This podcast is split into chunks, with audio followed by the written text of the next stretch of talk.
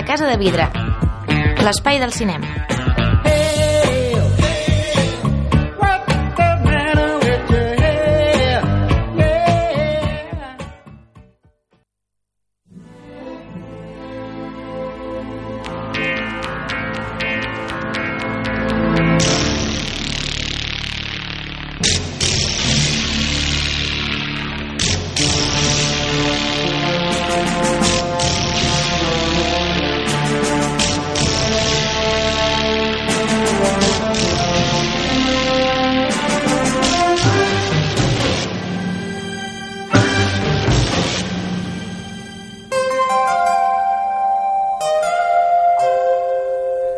Hola, benvinguts una setmana més a la Casa de Vidre. Això que sona, no us espanteu, és Jerry Goldsmith, aquí de que vam al mes d'abril i que ja tanquem, amb la banda sonora de la, de la seqüela de Corralado, que de fet era Rambo, Rambo. Acorralado parte 2, aquests títols mítics. M'encanten aquests detalls més asiàtics, perquè clar, ja l'obliguen al Rambo a, a tornar a Vietnam amb tot el que va patir allà A la jungla. una, una missió secreta a la jungla uh -huh. i ja sabem que bueno, la seva vida a partir d'aquí ja estarà marcada per la tragèdia el poble John Rambo Jerry Goldsmith va tocar tots els pals, eh? Sí, sí, sí, realment era un tio que... Allò, un... Tot terreny. Sí.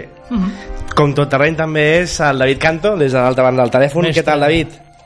Bon dia, bon dia, bona, bona tarda, de fet. Uh, jo només tinc orelles ara per a l'en Silvestri, per això, eh? Sí, Ah, i és que és el compositor de Vengadores Infinity War, perquè ja ha arribat el dia, ja ha arribat la setmana de l'estrena, que hem estat aquí construint, el, eh, participant no, en el hype, i bé, ja ha arribat el dia, i per tant, avui que tancarem eh, aquesta secció que vam encetar fa tres setmanes, Canviar a l'infinit, parlant de l'última fase de Marvel, la fase 3, el que arribarà a la, 4, a la quarta, que no coneixem molt bé, i després farem la zona crítica de Vengadores Infinity War, que ja l'hem vist, fa poques hores, encara estem allò digerint tot el que passa, intentarem fer una crítica sense spoilers, però que sí que ens pugui eh, deixar una idea clara no, del que ens ha semblat i, i de, bé, de, d'aquest esdeveniment mundial i gairebé que segurament superarà tots els rècords de taquilla Està destinat per això. Sí, almenys, sí, sí, sí. Va, vinga, va. És que ja no em surten les paraules. Va, agafem els bàrtols i comencem.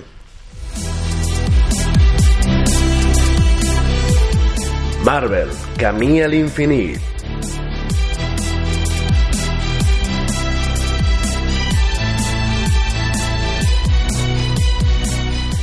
Doncs bé, si dèiem al seu dia no, que la, fa tres setmanes la fase 1 era la introducció, no, un marcat caràcter de preocupació per introduir bé els personatges, tenir directors experimentats, això va donar pas a la fase 2, on ja el control de, de Kevin Feige era més fort i on la, la, la- sobretot la consolidació era la, la paraula clau.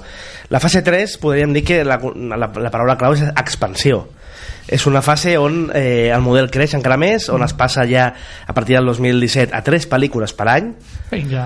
Sí, tant, vinga, tal qual. I on eh, s'introdueixen nous personatges inclús enmig de pel·lícules, no? Ja no, feia, ja no fa falta, dona la sensació, fer pel·lícules en solitari i passar-te aquesta etapa, sinó ja directament amb una pel·lícula com Civil War pots començar a introduir personatges i expandir l'univers fins al punt que inclús un rival com és Sony Pictures s'acaba liant amb tu, acaba picant a la porta demanant-te sisplau que els acceptis i així eh, Sony eh, cedeix a, o arriba un pacte a Spider-Man i Spider-Man forma part d'aquest nou univers a la fase 3 que va començar amb una guerra civil eh, tant de, a, darrere com davant de les pantalles perquè la fase 3 comença en Capital, Capital Amèrica Civil War. Escoltem un clip de, de, sobre la, la divisió que hi havia en el grup dels Vengadors que és significatiu eh, com a l'univers de tant en quant va fent una sacsejada no? divideix els seus eh, protagonistes o els posa un gran conflicte i aquí els divideixen dos bandos claríssims Tony, si alguien muere bajo tu responsabilidad, no te rindes. Yo no me he rendido. Uno se rinde si no se responsabiliza de sus actos. Este documento nos exculpa. Perdone, Steve, afirmar... Afirmar eso es delicado y arrogante. Estamos hablando de las Naciones Unidas, no es el Consejo de Seguridad, ni es SHIELD, ni Hydra. Ya, pero las dirige gente con planes ocultos y esos planes cambian. Sí, perfecto. Por eso estoy aquí. Cuando vi lo que mis armas podían causar en manos equivocadas, eché el cierre y dejé de fabricarlas. Tony, eso es algo que decidiste tú. Al firmar esto renunciamos a poder decidir. ¿Y si nos envían a donde creemos que no debemos ir? ¿Y si no nos dejan ir allí donde necesitamos actuar? No seremos perfectos, pero las manos más seguras son las nuestras. Si no hacemos esto ahora, lo harán por nosotros más adelante. era un dels moments més interessants a tota la pel·li Civil War, eh, un debat intens que és això, aquesta pel·lícula divideix els protagonistes no? i els posa de, molt separats entre si de cara a, la, a les amenaces que vindran eh, quina manera era començar la fase 3? déu nhi eh, a mi em, us he comentat abans de, que- de veure Avengers 3 eh, va començar per mi amb una de les millors pel·lícules de, de, de tota la Marvel mm. Civil War m'encanta no només per aquests debats potentíssims que plantejaven aquest eterna, aquesta eterna diatriba de, dels superherois de poderes i responsabilitats sinó perquè era, era un non-stop vull dir, Mm. era una muntanya russa constant aquella pel·lícula encadenava una de set pieces per mi de les millors de tota, de tota la sèrie aquesta colossal en Sí. què la que s'ha convertit Marvel I David, passava, passava a ser de Capitán América 3 a Vengadores 2.5, no? Sí, sí, totalment, i a més a més, bueno, una cosa molt important que has dit, els fans de Marvel somiàvem, imploràvem als déus que Spider-Man entrés a, a Mm. Marvel, ho veiem impossible i, i finalment a, a, en aquesta pel·lícula veiem per fi Spider-Man i a més a més un Spider-Man molt millor que l'última encarnació que havia tingut, Mhm. uh, interactuant, eh, com deies, amb una mena de, de Vengadores 2.5 que té algunes de les escenes més espectaculars, algunes d'elles jo crec que fins i tot més espectaculars que, que alguns moments de, de Infinity War. sí, sí. a favor Però, però bé, és, és allò, aquell moment ja de, de la sensació d'haver estat llegint còmics per separat i en aquí ja veus el còmic en què surten tots i les pàgines, eh, la doble pàgina amb tots els superherois junts, eh, la primera vegada que ho veiem així bé bé és eh, a Civil War. Mm. De fet, els números de la pel·lícula, 1.153 milions de recaptació, Pum. ja t'indiquen que és, és una pel·li dels Vengadores gairebé, perquè si mirem totes les recaptacions, eh, el salt de la barrera dels 1.000 milions sempre arriba amb aquestes pel·lícules Vengadores i amb l'excepció d'Iron Man 3 o la recent Black Panther, i clar, al final tenir el Tony Stark i el Capitán Amèrica lluitant contra algú va ser un, un reclam tan fort que a més venien el nom en recorda un còmic eh, superimportant no? de, de tota la, la, la cronologia de Marvel i realment va ser un punt molt àlcid difícil de superar No, no, a més a més, el, el que té de bo és, és que feia això que ja dèiem de la, de la segona fase, que Mm. per què t'has d'inventar històries absurdes si tens uh, còmics que funcionen molt bé i a més, com deies, Civil War és una de les línies més interessants de, de, de, tot el, de tots els últims anys. És molt curiós també que fos Civil War la, arran la que- pel·lícula que arrenqués la fase 3 perquè podem dir que va haver una Civil War a Marvel abans de la pel·lícula i, i fins al punt que el Kevin Feige, aquest personatge que, que amb aquesta col·lecció que estem fent aquí aquestes setmanes l'estem posant ja com el gran arquitecte El showrunner. d'això, el tal qual va estar a punt de dimitir i dir que abandonava eh, Marvel Eh, això per què es va ser així? Va ser perquè els, la, ella es va empenyar tant, no? volia tant aquesta Civil War que els pressupostos anaven pujant. Òbviament renegociaves amb eh, mm, Robert Downey Jr. estaves anant a, a, pressupostos tan alts que aquí el cap de la Marvel Entertainment en general el eh, Isaac Perlmutter mm, que a més té fama de garrepa hi ha molt poques fotos d'ell fa poc una foto va sortir amb el tram és allò un Illuminati d'aquests estranys. un hombre en la sombra, bien, m'encanten aquestes Ah, que li va dir no, no pots gastar tants diners. I en canvi i el Kevin Feige va anar amb la seva cartera diguéssim de resultats el, el cap més cap de tots no? eh, el que està per sobre tot, que són els de Disney el Bob Iger i l'Alan Hor i va dir, mira, me'n vaig a menys que realment mani jo aquí i van canviar a la- a l'organització i ara des d'aquella pel·lícula Kevin Feige només respon a la Disney i l'altre s'ha quedat allà doncs, amb, amb tot el que queda de Marvel, que és molt i la Comptant part, els dinerets, sí, i la sí. part televisiva que la porta Jeff Lloyd per tant, una guerra civil darrere que també és molt important de cara al futur no? I, i, i, el, i el poder de control de Kevin Feige una fase 2 que va seguir, David a una introducció d'un personatge clau no, el següent, no? com és el, el Doctor Strange eh, amb aquella pel·lícula que sí que és cert que potser eh, el personatge recordava molt a Tony Stark però el món que creava visualment anava més enllà no? Sí, sí, és un, és un abans i un després de Marvel que introdueix el món de la màgia, que fins aleshores Bé, uh, potser la, la Bruja Escarlata sí que tenia una mica d'element de màgia, perquè ben bé no sabem els seus poders venen d'una de les pedres, però no sabem ben bé quin tipus de poders té. Mm. Però, però bé, el, el, sobretot a nivell visual, em sembla que en vam parlar al programa quan vam parlar de la pel·lícula, Mm. mm. tot aquest, aquest, es- aquesta estètica psicodèlica, eh, tot aquest misticisme, tots els, els moviments, els rituals i, i, i els efectes que té, sobretot en els jocs temporals que, que donen tan, tants bons resultats a la, a la pel·lícula doncs fan que, a banda d'una gran interpretació de Benedict Cumberbatch i de la resta de, de personatges, doncs, eh, que sigui una, una pel·lícula molt, molt interessant. Sí, a més, segueix no, amb aquesta dinàmica del càsting. De, de, cada càsting la claven, Mar Marvel, en aquest cas Sí, un sí, com el Cumberbatch, que clar, és una estrella mundial. Mm, jo, jo crec que és una pel·lícula també que il·lustra molt el punt al que estem dins d'aquesta fase de Marvel no? eh, sí que al principi de la pel·lícula tot eh, apestava bastant a una nova versió del Tony Stark però és veritat que l'Scott Derrickson porta molt al límit la pel·lícula mm. no només a nivell visual sinó també dimensional i estem treballant amb això amb fins a on arriba l'infinit no? fins a on arriba el nostre concepte d'infinit jo Sí. crec que Doctor Strange Doctor Strange és la primera pel·lícula que s'atreveix a explorar aquests límits aquest in hasta l'infinito i més allà i és jo crec que una boníssima antesala de, de la pel·lícula que comentarem avui mateix Sí, sí, tal qual. Després, eh, sí, No, i que és el, el que dèiem altres dies també, eh, saben mantenir-se fidels a la- a l'essència del personatge, Mm. de la creació de Steve Ditko de, del seu moment i de tot aquest uh, univers estètic, però actualitzant-lo i portant-lo al pròpies mateix lleis, univers, clar. és el que deies. Uh, sap, uh, saben Kevin Feige i companyia doncs, eh, combinar molt bé tots aquests personatges i, i, i fer que encaixin els uns amb els altres. Mm. Després d'aquesta va arribar Guardians de Galàxia 2, que sí que és cert jo, jo crec que confirma encara més allò que vam dir la setmana passada que eh, és una pel·lícula molt personal de, De James James Gunn Gunn, i aqu aquesta, la 2, encara molt més que la primera Sí, sí, sí, la, per mi Guardians de la Galàxia 2 ja es veu descaradíssima la fórmula de James Gunn, que per mi funciona estupendament. Mm. És una sitcom feta superhero movie. Sí. Vull dir, aquesta pel·lícula, l'única manera que podia ser encara més perfecta era afegir-li els, els riures enllaunats eh, darrere de cada gag, perquè us asseguro que a cada minut hi havia mínim dos gags. Estic Sí. molt a favor d'aquesta aposta i és el que deies tu, Guillem, parla molt de que s'està respectant la visió molt personal d'un autor, d'un director, que en aquest cas és el James Gunn.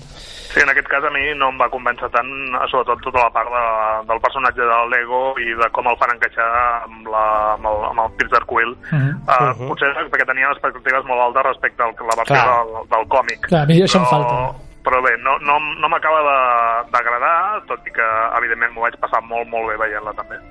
Després, al, al mateix any, al juliol, ja estem entrant al, 2017, al juliol del 2017, ja estem entrant al primer any que hi ha tres pel·lícules Marvel, acostumeu-vos, perquè ja serà habitual. Uh -huh. eh, ens arriba el juliol Spider-Man Homecoming, eh, 92% a Rotten Tomatoes. Ara, des, des d'aquesta pel·lícula, o Guardians- sí, des d'aquesta pel·lícula ja no baixen del 90% Uau. les Space Marvel, excepte Infinity War, però bueno, porta un, poques hores, per tant deixem-la respirar, eh, que demostra també que el tema Sony i Mar, eh, Marvel en aquest cas Marvel és temporada 2 que aconsegueix no? tenir el con- control creatiu del personatge i demostrar encara més la seva força és que és, els èxits ho respalden tot això Sí, sí, totalment. El, el, és el que dius, es deixen conduir i, mm. i per, per als professionals de, del tema que són Marvel. I, I ho fan molt bé, perquè d'aquesta manera saben que la seva pel·lícula funcionarà, no Mm. com dèiem, l'última versió havia sigut molt fidel a unes històries del còmic, però no tenia, no tenia esperit, no tenia res, i, i realment des del càsting mateix, perquè Tom Holland ja era un actor que a mi personalment m'agradava molt, però, però realment jo crec que era molt difícil trobar un actor millor per, per interpretar aquest, aquesta versió del personatge que és molt més reconeixible que d'altres que havíem vist i que a més a més aquesta connexió que té amb Tony Stark, aquest joc de pupil mestre però amb una relació molt més propera doncs eh, eh, funciona molt bé la pel·lícula i a més a més eh, serveix per ser una pel·lícula d'origen, sense explicar l'origen, Sí. però molt més interessant que, que altres que hem vist. I molt més divertida, també. i escapant de la fatiga pròpia de tenir la mateixa història repetida els últims 10-12 anys no? Seria Sam com la tercera Raimi. vegada que ens explicarien Sí, sí, sí, el sí. mateix i no... Sí, sí, sí. a més, eh, un personatge, al- als còmics i a nivell també de comercial i tal, és el personatge més important de Marvel, no, David? Eh, Sí, sí, juntament el- amb el els X-Men... Insígnia. Sí. L'única manera que hagués estat millor, eh, que s'hagués pogués, pogut superar tot plegat, és que en lloc de ser Peter Parker hagués sigut Miles Morales, que, que va haver especulació durant molt temps, fins Sí. i tot es va parlar de Donald Glover com a... Com De fet, és el tiet de Miles Morales, la pel·lícula. Sí, sí, jo crec que era, era, era una, una picada d'ull Sí. a, a tots els fans que havien seguit aquest col·laborat i esperem que el veurem a una pel·lícula d'animació d'aquí poc, esperem que Miles Morales acabi integrant-se també a l'univers Marvel Mm. tard o d'hora. La tercera pel·lícula que va tancar el 2017, Marvelita, eh, és, és, una d'aquestes altres, és un d'aquests altres esdeveniments coctelera de agafem tot l'univers, el sacsegem i a veure què surt d'aquest experiment i en aquest cas és aplicar humor total i canviar un personatge que segurament no havia funcionat en les seves pel·lícules individuals, sigui que ho va fer les col·lectives, Mhm. com és el Thor, i canviar completament el personatge i, i millorar-lo amb una vis còmica que et rendies també davant de l'evidència que havíem vist amb Cazafantasmes i altres Mhm. cameos que el Chris Hemsworth és molt divertit com a actor és, estem parlant de Thor Ragnarok Sí. que el seu èxit està allà també no? Sí, sí, po- potenciar a tope la, la, la vis còmica de, no només de Chris Hemsworth sinó de, de, del propi personatge del Thor no? eh, i, i és el que comentaves tu Guillem, jo crec que és agafar eh, una línia que no t'està funcionant gaire bé o no tan bé com les altres línies com és Thor i mudar-la a, a, a, imatge, a, a imagen i semejanza no? d'una de les línies que millor t'està funcionant jo en aquest cas penso, jo veig Thor Ragnarok i penso moltíssim en el James Gunn i en Guardianes de la Galàxia no només per, per l'escenari en el que es desenvolupa eh, Thor, estem una altra vegada en l'espai, Mm. sinó també en aquest referencialisme, en aquesta manera de, de recolzar-se totalment en la música, eh, en aquesta comicitat omnipresent. Eh, tio, eh, a mi és el que em sap greu d'aquesta pel·lícula, que si en comptes de dirigido por Taika Waititi posa dirigido por James Gunn, m'ho crec igualment, i dic perquè jo crec que el Taika Waititi era un tio que et podia oferir coses diferents Mhm. a lo que t'ofereix finalment a Thor Ragnarok que consti, que és una pel·lícula que em cau molt bé. però és un I tio que funciona, és, sí. funciona molt bé el personatge de, que interpreta el, el Taika Waititi, el Mhm. Borg, com a toc personal per dir, eh, aquesta és la meva pel·lícula. Eh, eh, encara sí, és el més personal de, de, de, Sí. de, tota aquella pel·lícula, correcte. estem parlant també que és un tio que, que se- se'n va- bastant de l'espectre mainstream, eh? és un tipus Sí. d'humor molt extrem Mhm. que ja crec que, que encaixa prou bé eh, curiosament amb, amb, amb Marvel vull dir que Mhm. era difícil eh, acotar-lo tant. Bé, 2018 eh, l'hem començat amb Black Panther que ha sigut un, un boom bestial. Ja, també hem parlat eh, els últims mesos d'ella bastant. Eh, després Vengadores, Infinity War que en parlarem ara. I el futur, diguéssim després de Venga- d'aquesta Vengadores és tancar la fase 3 amb eh, Ant-Man i Wasp eh, aquest mateix any, a l'any que ve Capitana Marvel, eh, la introducció David, d'un personatge que pot ser clau per tots les, els esdeveniments que vindran, no? perquè és el personatge més, més fort de, dels còmics Sí, sí, és un dels més poderosos de, de l'univers Marvel i a més a més és un personatge molt interessant. No sé com explicaran la seva versió, en aquesta versió el seu origen, però, però la seva evolució és, és icònica fins i tot des del punt de vista del feminisme Mm. i a més a més és la primera, eh, el primer personatge femení que té eh, pel·lícula pròpia i esperem Mm. que no sigui l'última, No. ja s'ha especulat És veritat, és de veritat. fer una pel·lícula de superheroïnes, després s'ha desmentit, però jo crec que uh, aviat veurem uh, una pel·lícula de Viuda Negra i esperem que d'altres personatges també individuals i en grups i de totes les maneres possibles. Tot això acabarà al maig del 2019 amb la quarta de Vengadores, encara no tenim nom eh, perquè se l'estan guardant pot ser un spoiler de la tercera bé, aquestes coses. I això acabarà la fase 3 eh, de la fase 4 com que tampoc sabem molt més a part que hi haurà Guardians de la Galàxia 3 o la nova Spider-Man i Black Widow eh, millor no fem conjectures, teories i més i acabem aquest camí a l'infinit David, amb la teva recomanació de còmics i ens anem a parlar Vinga. de Vengadores Doncs no seré gaire original, recomanaré per començar Civil War, que n'hem parlat abans, Sí, sí, la línia dels còmics és, és extensíssima, si voleu llegir molts dies teniu per, per molts dies. Uh, la diferència principal amb, el, amb les pel·lícules és que hi ha alguna mort significativa que les pel·lícules no hem vist i, i també s'agraeix perquè així com a mínim els que ja coneixíem la història original doncs eh, ens ha portat alguna sorpresa. Uh, també no sé si havia recomanat l'última vegada el, tota la línia del Soldado d'Invierno uh, és molt, molt interessant i també està molt relacionada amb, amb tot plegat i ell té un paper molt important en aquesta Civil War del, dels còmics. Mhm. Uh, per Thor Ragnarok uh, recomanaré un còmic del qual també havia parlat, uh, Thor el, el Poderoso, que és aquella etapa que, que vaig dir del Matt Fraction, Friction, que, Mhm. Fraction, perdó, que és aquest personatge que va venir al saló del, Cert. del còmic i que ara havia deixat una mica els superherois per fer altres coses. És una, una versió molt, molt interessant de, de, del personatge i després per acabar doncs, eh, per aquells que no en tingueu prou amb Infinity eh, War doncs podeu llegir 50.000 còmics sobre Thanos eh, un personatge creat pel Jim Starlin els primers còmics són d'aquest autor i són una versió molt clàssica, molt, molt eh, mitològica del, del personatge Mm. i molt interessant i eh, últimament els últims anys s'han fet noves versions d'aquesta història d'origen, com per exemple uh, Thanos uh, Renacer, que doncs, es va publicar, em sembla que fa un parell o tres d'anys, i que també és molt interessant. Qualsevol d'elles us aproparà i us uh, ajudarà a entendre més aquest personatge que, que és tan clau de, de l'univers Marvel. I tant, també serà clau veure la fase 4 o 5 si això del tema Fox acaba fructificant i veurem els personatges com X-Men o els Fantastic Four a l'univers Marvel. De moment això queda lluny, per tant, millor no, com deien, no Sí, confabular. la Mm. Va, vinga, va, que em moro de ganes. Fem la zona crítica per respectar la nostra estructura, però, ho estem fent a sobre, eh? però tornem a Marvel.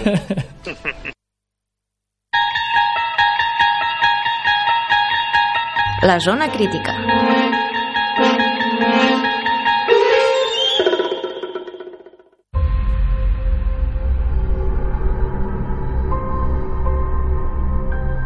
Desde que le conozco, solo ha tenido un objetivo. Destruir medio universo. Si consigue las gemas del infinito, podrá hacerlo con solo un chasquido. Así, sin más. Repíteme su nombre. Thanos. Doncs bé, l'amenaça de Thanos, no? que ens parlava el David, eh, i ens deia eh, una miqueta més de background als còmics. Ara, per fi, Vengadores Infinity War ens porta un malvat amb background, amb història al darrere, sabem les seves motivacions, les com podem comprendre, i ens regala una pel·lícula, sense entrar en molts spoilers, espectacular. Sens dubte, sens dubte. Eh, i, I molt complicada. Eh, ja, jo ja porto temps advertint de que, de, del perill d'aquesta de, de, d'aquesta ruta de Marvel. De, de fet, m'ha agradat molt el títol que li has posat tu, aquestes seccions d'aquest mes, de Camí a l'infinit. Jo tenia, jo tenia la por, segueixo tenint la por de que Marvel caigui en la degeneració de bola de drac, no? que era, era aquesta sèrie que sí, t'obligaven sí, sí. a sempre a més, a més, a més, a Clar. més, i al final que va ser una caricatura de tu mateix. Marvel estaran cap a l'infinit, d'acord? I el xungo és que l'infinit, i aquí em posaré una mica matemàtic, és una cosa indefinida. Clar, clar. I el que fa aquesta pel·lícula és convertir-te en indefinit en algo definit, en algo literal, en algo que pots veure, en algo material. I en aquí, que repeteixo, és una cosa dificilíssima perquè és hiperabstracta, la pel·lícula jo crec que fa molt bé. Eh, gestiona lo impossible, gestiona lo infinit, literalment, i fa una cosa molt, molt divertida. Allò de dir que durant, la primer, durant el primer tram de la pel·lícula m'ha costat una mica entrar hi ha uns temps morts anem a dir-li, temps de no acció Negatius, sí. en què, que, que són necessaris però els quals jo no he acabat de connectar però vaja, té una segona té un segon tram, un tram final totalment, absolutament espaterrant És una pel·lícula construïda in crescendo. David, Totalment. què t'ha semblat? M'ha semblat espectacular i, i jo pensava, hi, hi anava moltes precaucions, perquè pensava, a veure si n'haurem fet un gramassa, si haurem Clar. estat fent aquí tres Ja. programes dedicats a, a aquesta pel·lícula i, i després eh, resultarà que tot plegat és un desastre. I no, no, que va. Realment han sabut fer una pel·lícula molt equilibrada, funciona molt bé, molt més espectacular i, i molt millor del que desitjava del que, del que esperava de, del, de qualsevol manera i, i tot i que deies això que, costava, que t'havia costat entrar, Víctor, a mi Sí. realment des del primer moment m'ha tingut molt interessat i de fet jo estava esperant algun moment en què la pel·lícula decaigués Mhm. i, i no, en el meu cas no, no l'he trobat. El que sí que eh, el que hem estat dient, no? El Thanos apareixia fa sis anys, eh, cada any ara hi ha més pel·lícules, més personatges. El, alguns companys de la premsa al sortir em comentaven que els havia costat una mica de seguir tots, tots els personatges, perquè n'hi ha tants que Clar. l'espectador ocasional o aquell que les mira uh, sense gaire atenció potser es, perdrà una mica, però jo crec que el, aquells que assumiran un mínim d'atenció uh, gaudiran moltíssim perquè els, els germans Rousseau han, han tornat a fer una, una pel·lícula, com deia, molt, equilibra, molt equilibrada, amb punts divertits, però amb, una drama, amb un dramatisme, amb una èpica i, i una grandesa que, que crec que costarà de, de superar. I, I el que deies, Víctor, de, de l'infinit, jo crec que en aquest cas és un punt, i, un, un punt i seguit, que serà amb la pel·lícula de l'any que ve, pues espérate, i, sí. i a partir d'aquí serà tornar a, a tenir una mica de calma fins que es torni a tot a, a portar a un nou gran conflicte. Que bé, sí, sí, jo eh, no, només vull dir una frase que és eh, el món actual, no? que el hype no? i les expectatives sempre les posem molt altes dir que la pel·lícula compleix les expectatives cre crec que ja, és, ja, ja, ja ho defineix tot no? I, i realment les expectatives també eren infinites per eh? això, complir això ja, ja és molt eh, bé, ens hem quedat sense temps és, és el que hi ha és, llàstima, no tenim, la, temps és no, finit, no sí. tenim la gema del temps no, No, no encara. Thanos, però bé, podem dir que aquesta pel·lícula no decepcionarà i que no. també moltes coses que es demanaven d'aquest univers com era que hi hagués risc i, i temes foscos, els hi trobaran. Eh, bé, tanquem eh, un mes de Marvel, eh, us demanem perdó, no? Per, eh, però tranquils que tornarem a la rutina normal, a les estrenes normals, a seccions diferents i festivals, però bé, eh, fins aquí el programa d'aquesta setmana, acabem amb Jerry Goldsmith, Instinto Básico, i aquell moment Hombre. tan, que vam apretar tant el pause, quan érem petits, Víctor, reconeixem Picarón, jo ho reconec, no tinc cap problema, tio. Fins aviat, moltes gràcies, David. Fins infinit. aviat. Ciao, David. Adéu.